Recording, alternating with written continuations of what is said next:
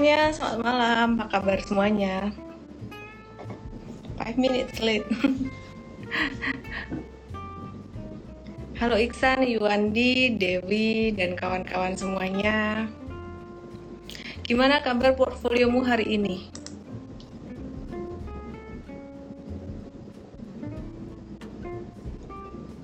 Apa kabar? I'm doing good. Hai mom, I miss you. Wah, ada anakku. Hai hai, I miss you too. I miss you too. Kalian aku pin tapi jangan di follow ya. Iya, jadi aku lagi lagi keluar kotaan nih ya. Menurut Miss, menurut Miss investasi itu gak pernah cut loss ya? nggak juga sih. Kalau investasi tuh cut lossnya pakai analisis fundamental bukan pakai teknikal. Jadi kayak Warren Buffett pun dia juga pernah cut loss ketika berinvestasi. Cuman uh, cut lossnya dia tuh lebih karena ngelihat uh, prospek fundamental kayak bisnis modelnya ke depan nggak bagus atau mungkin karena proyeksi laporan keuangan earningsnya nggak bagus kayak gitu jadi salah satu yang Warren Buffett lakukan seperti dia menjual perusahaan-perusahaan airlines di awal masa pandemi karena dia ngelihat bahwa proyeksi keuangannya bakalan jelek banget. Dan sebenarnya Warren Buffett yang uh, ia lakukan waktu itu tuh bukan cut loss, yang ia lakukan waktu itu uh, dia lagi take profit gitu. Karena dia beli perusahaan-perusahaan airlines tuh ketika valuasinya lagi murah banget gitu. Jadi kayak istilah kata tuh trailing stopnya dia. Semoga dipahami ya. Jadi bukan karena harga sahamnya gitu. Meskipun setelah itu harga sahamnya yang mengikuti turun gitu. Thank you thank you Anthony Yu depannya pakai angka 4 Anthony Yu ya uh, langsung aja DM saya MT7 nama email WhatsApp karena pertanyaan kamu bagus gitu Halo semuanya. AGI tolong dibahas. Meko terbang thanks to M-Trade mantap. Thanks to our team. Jadi bukan uh, saya tapi to our team, to our team trader di M-Trade. AMA 17SH kalau konstruksi sampai akhir tahun masih ada view nggak? Masih cukup oke okay. sampai sekarang trennya sejak beberapa pekan yang lalu itu bullish reversal masih cukup oke. Okay.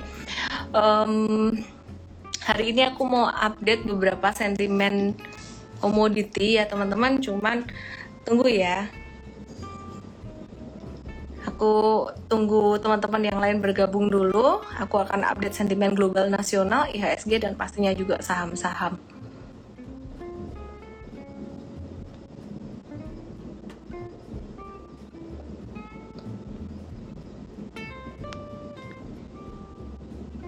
Oktober hati-hati saham akan crash. Benar nggak, C? Pertanyaan dari Oko 862739. Secara historikal dari tahun ke tahun bahkan sampai ke tahun 1929, memang bulan Oktober itu menjadi bulan yang terendah ya. Jadi bulan uh, bottom gitu loh. Jadi kalau misalkan saham turun itu bottomnya di bulan September atau Oktober rata-rata memang kayak gitu. Tapi yang perlu saya ingetin buat teman-teman semuanya, yang perlu saya garis bawahi adalah justru jangan takut. Justru kalau yang namanya terendah itu artinya akan terjadi pantulan, akan terjadi rebound. Nah, seperti yang saya lihat saat ini tuh udah mulai banyak saham, terutama yang dari geng old economy tadinya turun terus, sekarang udah mulai ada tanda reversal, baik dari perbankan, kemudian dari konstruksi, infrastruktur, komoditas dan lain sebagainya gitu. Terus Hmm, hari ini kita ngelihat CPO. Teman-teman kalau ngikutin Instagram live aku kemarin, uh, aku udah mention CPO dan basically itu kerja tim juga, tim Mtrade uh, kemarin sore itu uh, report ke saya bahwa eh ini sektor CPO kayaknya belum jalan nih gitu. Jadi potensial jalan. Tadi pagi di morning briefing juga dibahas tentang sektor CPO yang mulai jalan dan sore hari ini tuh udah mulai aktif. Jadi kalau batu bara udah bangun, harga saham batu bara udah bangun, kemudian konstruksi bangun, um, oil, Medco dan juga Elsa juga bangun tadi pagi juga di mention di highlight di morning briefing M-Trade. Ya, um, CPO ini akan mengikuti ya. Kenapa? Karena harga CPO-nya ini uh, mendekati dia bakalan naik mendekati level all time high gitu.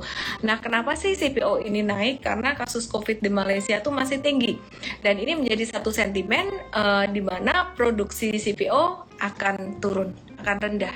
Nah, kalau kita ngelihat komoditi itu sebenarnya simple aja kita ngelihat supply and demand supply and demand always kayak gitu ya jadi kalau misalkan supply-nya turun produksinya turun terus kemudian uh, demand-nya naik most likely harganya akan naik, harga komoditas naik. Tapi selama ini harga komoditas naik, kok harga sahamnya nggak ikutan naik? Beberapa saham komoditas itu nggak naik karena faktor uh, eh, ESG itu yang pertama. Kemudian yang kedua karena investor saham di Indonesia, investor-investor di Indonesia ini lagi pada melihat perusahaan-perusahaan teknologi beberapa waktu yang lalu dan juga termasuk digital banking. Nah, sekarang mulai terjadi rotasi sektoral. Ketika saham-saham digital banking udah mulai turun-turun, kita juga Mtrade sudah mulai banyak mengurangi uh, portfolio di digital banking, maka sekarang mulai deh nih saham-saham yang tidur selama beberapa bulan terakhir ini uh, yang berada di bawah udah mulai reversal. Jadi kita mesti fleksibel gitu. Wah kalau gitu sentimen digital banking gimana dong? Sentimen tech ke depan gimana dong? Masih akan hype, masih akan oke, okay, tapi ini uh, rotasi sektoral sementara dulu aja. Jadi biasanya kalau saham-saham kalau misalkan perusahaan mau right issue uh, harga saham tuh cenderung agak-agak turun. Kenapa? Karena faktor dilusi. Uh, investor saham tuh nggak mau sahamnya terdilusi. Dilusi itu apa? Aku udah jelaskan di Instagram Live kemarin dan juga dua hari yang lalu gitu. Nah, teman-teman, uh, demikian pula yang terjadi dengan saham-saham bank digital. Nah, saham-saham bank digital ini juga banyak turun. Salah satu faktornya adalah karena right issue itu tadi. Kemudian Uh, sementara menunggu saham-saham bank digital kayak BBYB, bank kembali mulai aktif, kita mesti fleksibel, jangan kaku, jangan fanatik harus saham bank digital gitu. Tapi kita mesti ngeliat untuk potensi yang lainnya. Nah, potensi yang lainnya di sini kita mulai ngeliat komoditas, termasuk salah satunya selain uh, batu bara, oil, gas, CBO, kita juga mulai ngeliat nikel-nikelan lagi. Jadi Antam, Inco kayak gitu ya teman-teman. Oke aku lupa uh, sampaikan disclaimer uh, view aku view aku yang aku sampaikan melalui Instagram Live malam hari ini ini based on M-Trade Research secara fundamental dan teknikal tapi pastinya tetap akan ada fluktuasi dalam jangka pendek, jangka menengah, jangka panjang. Teman-teman harus siap dengan risiko dalam investasi saham dan juga kripto. Caranya gimana? caranya ya dengan uh, diversifikasi dulu di awal. Start small dan diversifikasi. Oke okay Miss, aku telat masuk Indi, apakah masih bisa masuk? Buat yang telat masuk di saham-saham uh, komoditas, cool, itu jangan dikejar, jangan dikejar ya. Kenapa? Karena kesempatan selalu ada tiap hari. Better tunggu retracement, otherwise masuk ke sektor yang lainnya. Contohnya CPO gitu. Yuk kita lihat Medco gimana. Kemarin Medco ada dimension dan uh, di M-Trade itu udah diinfoin beli dari beberapa hari yang lalu sebenarnya. Hari ini tadi tuh cuman ngingetin aja ngerimain doang. Medco ya Medco itu udah direkomend dari 15 September untuk jangka menengahnya. Udah cuan sekitaran 8 sampai 12 persen sedangkan untuk jangka pendeknya baru 24 September kemarin. Sebenarnya udah sempat jualan waktu itu Medco-nya.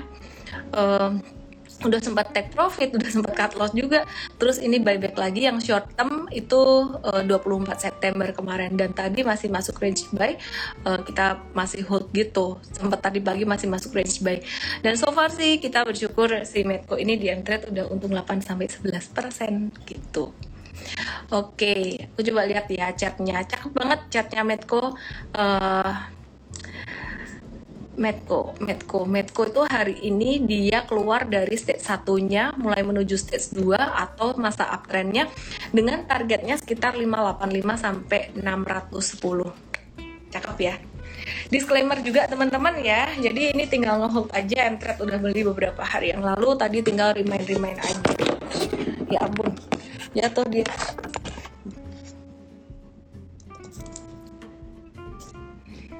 Oke. Okay kebalikannya dari Medco si Elsa hari ini malah agak-agak stagnan. Kenapa? Ya wajar lah kemarin udah naik tinggi banyak gitu. Jadi kalau teman-teman yang belum masuk Medco sih jangan dikejar. Belum masuk Indi juga jangan dikejar. Tadi Mtrade masuk di Indi setelah sempat jualan kayaknya beberapa hari yang lalu. Kalau Indi tuh uh, tadi Mtrade dapat di harga berapa ya? Dan teman-teman yang masuk di Mtrade nggak usah khawatir kalau aku sebut-sebut kayak gini karena kan kalian udah masuk duluan ya. Jadi uh, ini Indi terbeli baru hari ini tadi 16.25 sampai 16.40 gitu.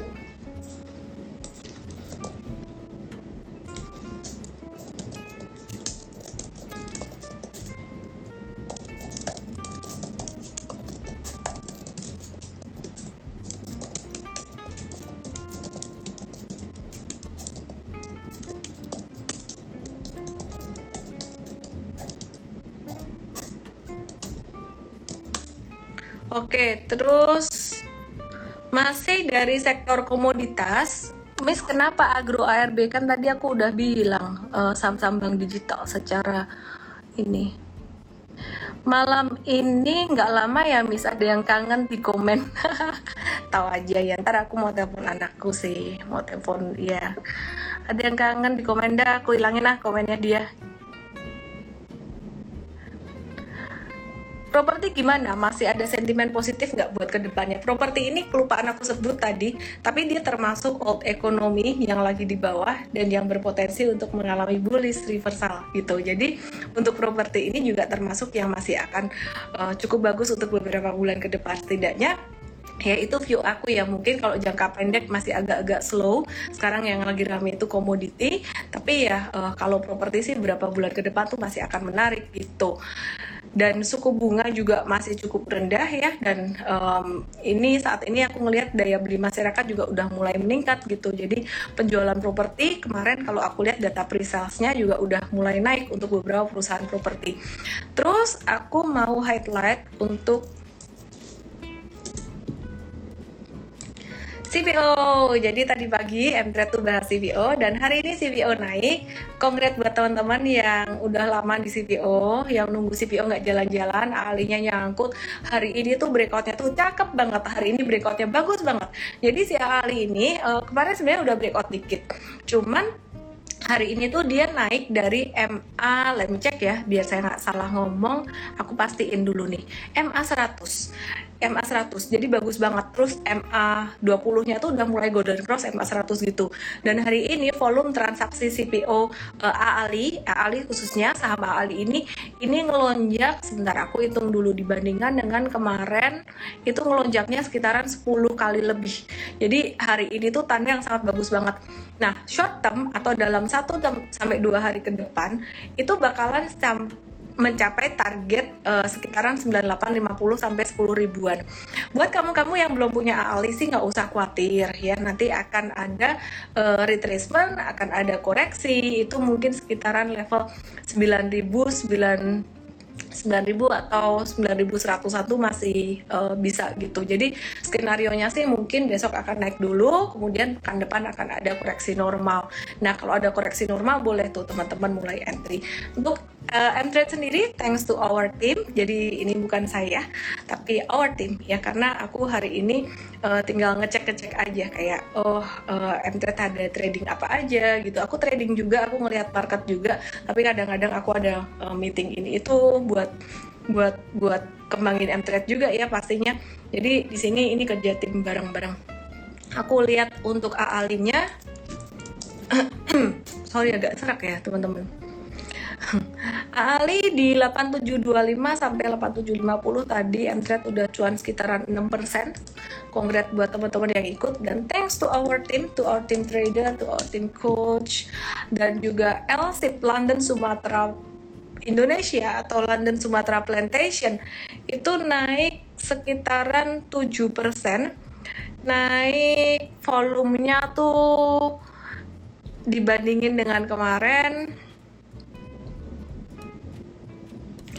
96 dari 26 itu naik sekitaran tiga kali 3,6 kali ya jadi memang masih lebih uh, sadis kenaikan volumenya tuh di AALI terus kalau untuk uh, LSIP sendiri masih boleh dibeli nggak sih? Sebenarnya udah agak-agak telat ya teman-teman kalau misalkan buat swing trading. Uh, cuman kalau teman-teman mau beli buat hold sampai beberapa bulan ke depan sampai window dressing tuh ya ditunggu koreksinya aja sekitaran di bawah level 1170 gitu. Jadi uh, M-Trade tadi udah masuk buat jangka pendek dan jangka menengah juga gitu teman-teman. Terus selain LSIP ada juga uh, BBPT BBPT hari ini juga volume transaksi lumayan tinggi, tapi aku, kalau aku sendiri prefer ke LSIP uh, dan ya LSIP itu menarik ya. Terus di SNG aku mau cek di SNG ini bagus juga. Di SNG hari ini juga bagus. Tapi secara fundamental tuh aku paling suka tuh uh, eh, LSIP sebenarnya. Kenapa? Uh, M-Trade bukan aku ya. M-Trade tuh paling suka LSIP kenapa? LSIP itu dia sangat efisien sekali. Jadi meskipun volume penjualan dia tuh belum naik tapi si LSIP ini uh, dulu waktu volume penjualannya belum naik ya LSIP ini dia berhasil membukukan kenaikan laba dengan adanya efisiensi-efisiensi. Jadi perusahaan ini sangat uh, sangat efisien banget gitu secara operasionalnya. Apalagi ada kenaikan harga CPO dan kemudian ada kenaikan volume volume uh, penjualan dari LSIP ini. Jadi uh, ini akan lebih baik lagi ke depan kalau kita ngelihat tren harga CPO naik. Jadi teman-teman yang udah nyangkut di saham-saham macam-macam di tahun 2021 kemarin kayaknya ini mulai akan ada recovery. Jadi sabar aja dalam beberapa bulan ke depan sampai Desember sampai Januari saya rasa akan mulai recover. Kenapa? Karena kita ngelihat COVID-19-nya juga udah mulai turun. Jadi kerjasama teman-teman semuanya, kerjasama kita semua dalam menjaga uh, protokol kesehatan itu sangat sangat berdampak sekali bukan cuma buat uh, negeri kita secara sosial ekonomi kesehatan tapi juga berdampak buat portofolio kamu juga gitu. Nah, uh, kalau aku perhatikan reopening secara uh, kegiatan di masyarakat seperti misalnya sekolah aja, sekolah dibuka kembali, uh, ada PTM pembelajaran tatap muka. Itu sebenarnya sudah sangat menggerakkan perekonomian. Kok bisa?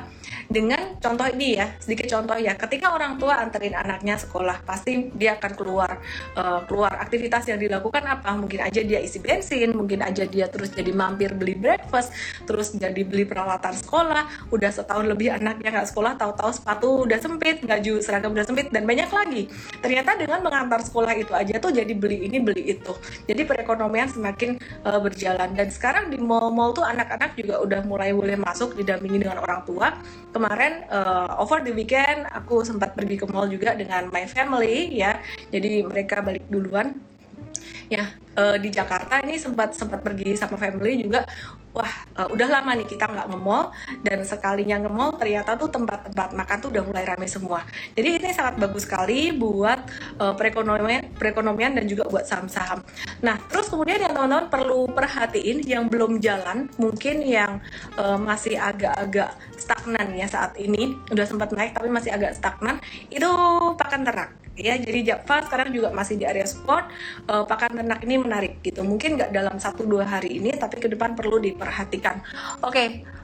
Doit juga berkat tim EMT makasih Mtrade Edwin Anthony. Tag aku tag komennya. Thank you to our team. Thank you to our system juga ya. Jadi bukan cuma Mtrade aja secara manusia tapi tim engineering itu juga sangat membantu kita dalam bikin sistem trading gitu Pertanyaan tentang Indi dari Hans JC. Indi uh, goes to 2000 pekan ini, is it possible?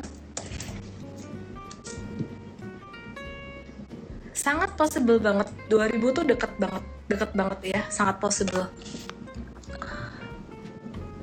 Diki Lenadi pengulangan terus hehehe sekarang beli Samko bagus nggak? Udah pada naik semuanya, tunggu retracement aja. Uh, sekarang lebih ke arah CPO yang baru jalan, CPO baru jalan ya. Screening awal saham bisa di scalping apa? Firdaus Firman Sabda. Screening awal saham kalau buat scalping itu benar-benar ngelihat running trend, ngelihat frekuensi, ngelihat volume. Kemudian habis itu uh, yang kedua lihat bid over, bid over. Bidnya mesti lebih tebal lah ya daripada over. Logikanya kan demand lebih besar daripada supply. Kemudian yang berikutnya uh, mesti ngelihat broker transaction juga. Jadi sebenarnya kalau teman-teman mau scalping itu harus ngeliatin monitor banget banget banget dan uh, aku sendiri nggak scalping sih di Mtrade itu ada kasih advisory scalping actually it's from our team dan dari sistem kita juga gitu. Kayak contohnya beberapa waktu yang lalu itu ada saham IELTS, ada saham BOS buat di scalping kayak gitu. Personally aku nggak ikut kalau buat yang scalping bukan karena nggak percaya atau nggak bagus gimana, tapi karena aku nggak sempat untuk beli jual secepat itu. Jadi aku yang saham-saham yang aku ikutin dari Mtrade atau aku beli itu adalah saham-saham yang uh, untuk swing trading beberapa hari time holdnya dan juga untuk saham yang jangka menengah jangka menengah itu aku personally bisa hold sampai mungkin akhir tahun. Disclaimer dan disclosure juga kayak Medco tuh aku udah beli beberapa waktu yang lalu dan hari ini tadi aku aku mau beli lagi Medco tapi duitnya habis. Dan karena uh, mau buat jangka menengah ya aku nggak pakai T plus nggak pakai margin.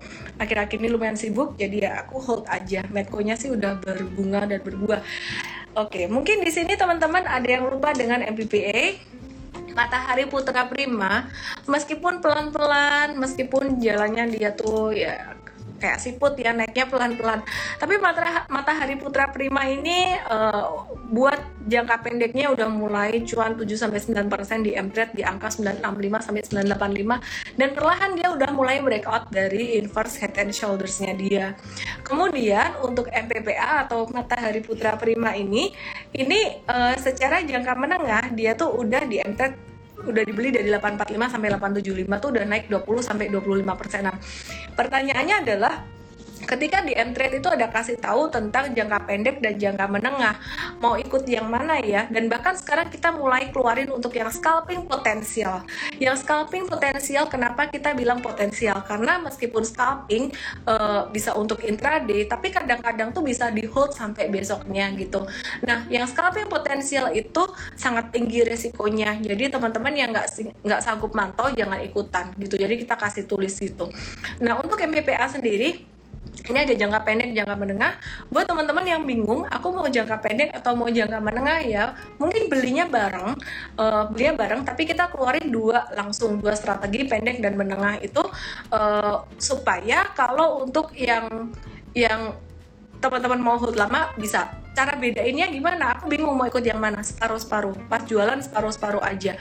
Terus teman-teman bingung e, aku mau ikut scalping boleh nggak sih? Perlu nggak sih aku ikut scalping Jawabannya sih caranya simpel aja. Mau tahu teman-teman bisa scalping atau enggak tuh simpel aja. Bisa mantau layar enggak sepanjang hari. Kalau pengangguran gabut banget bisa mantau layar ya silakan. Kalau nggak bisa mantau ya jangan. Itu aja. BABP dihubung-hubungkan sama Amazon ya karena dia ada ini ya uh, ada kaitannya dengan AWS tapi kayaknya itu sebenarnya nggak terlalu signifikan sih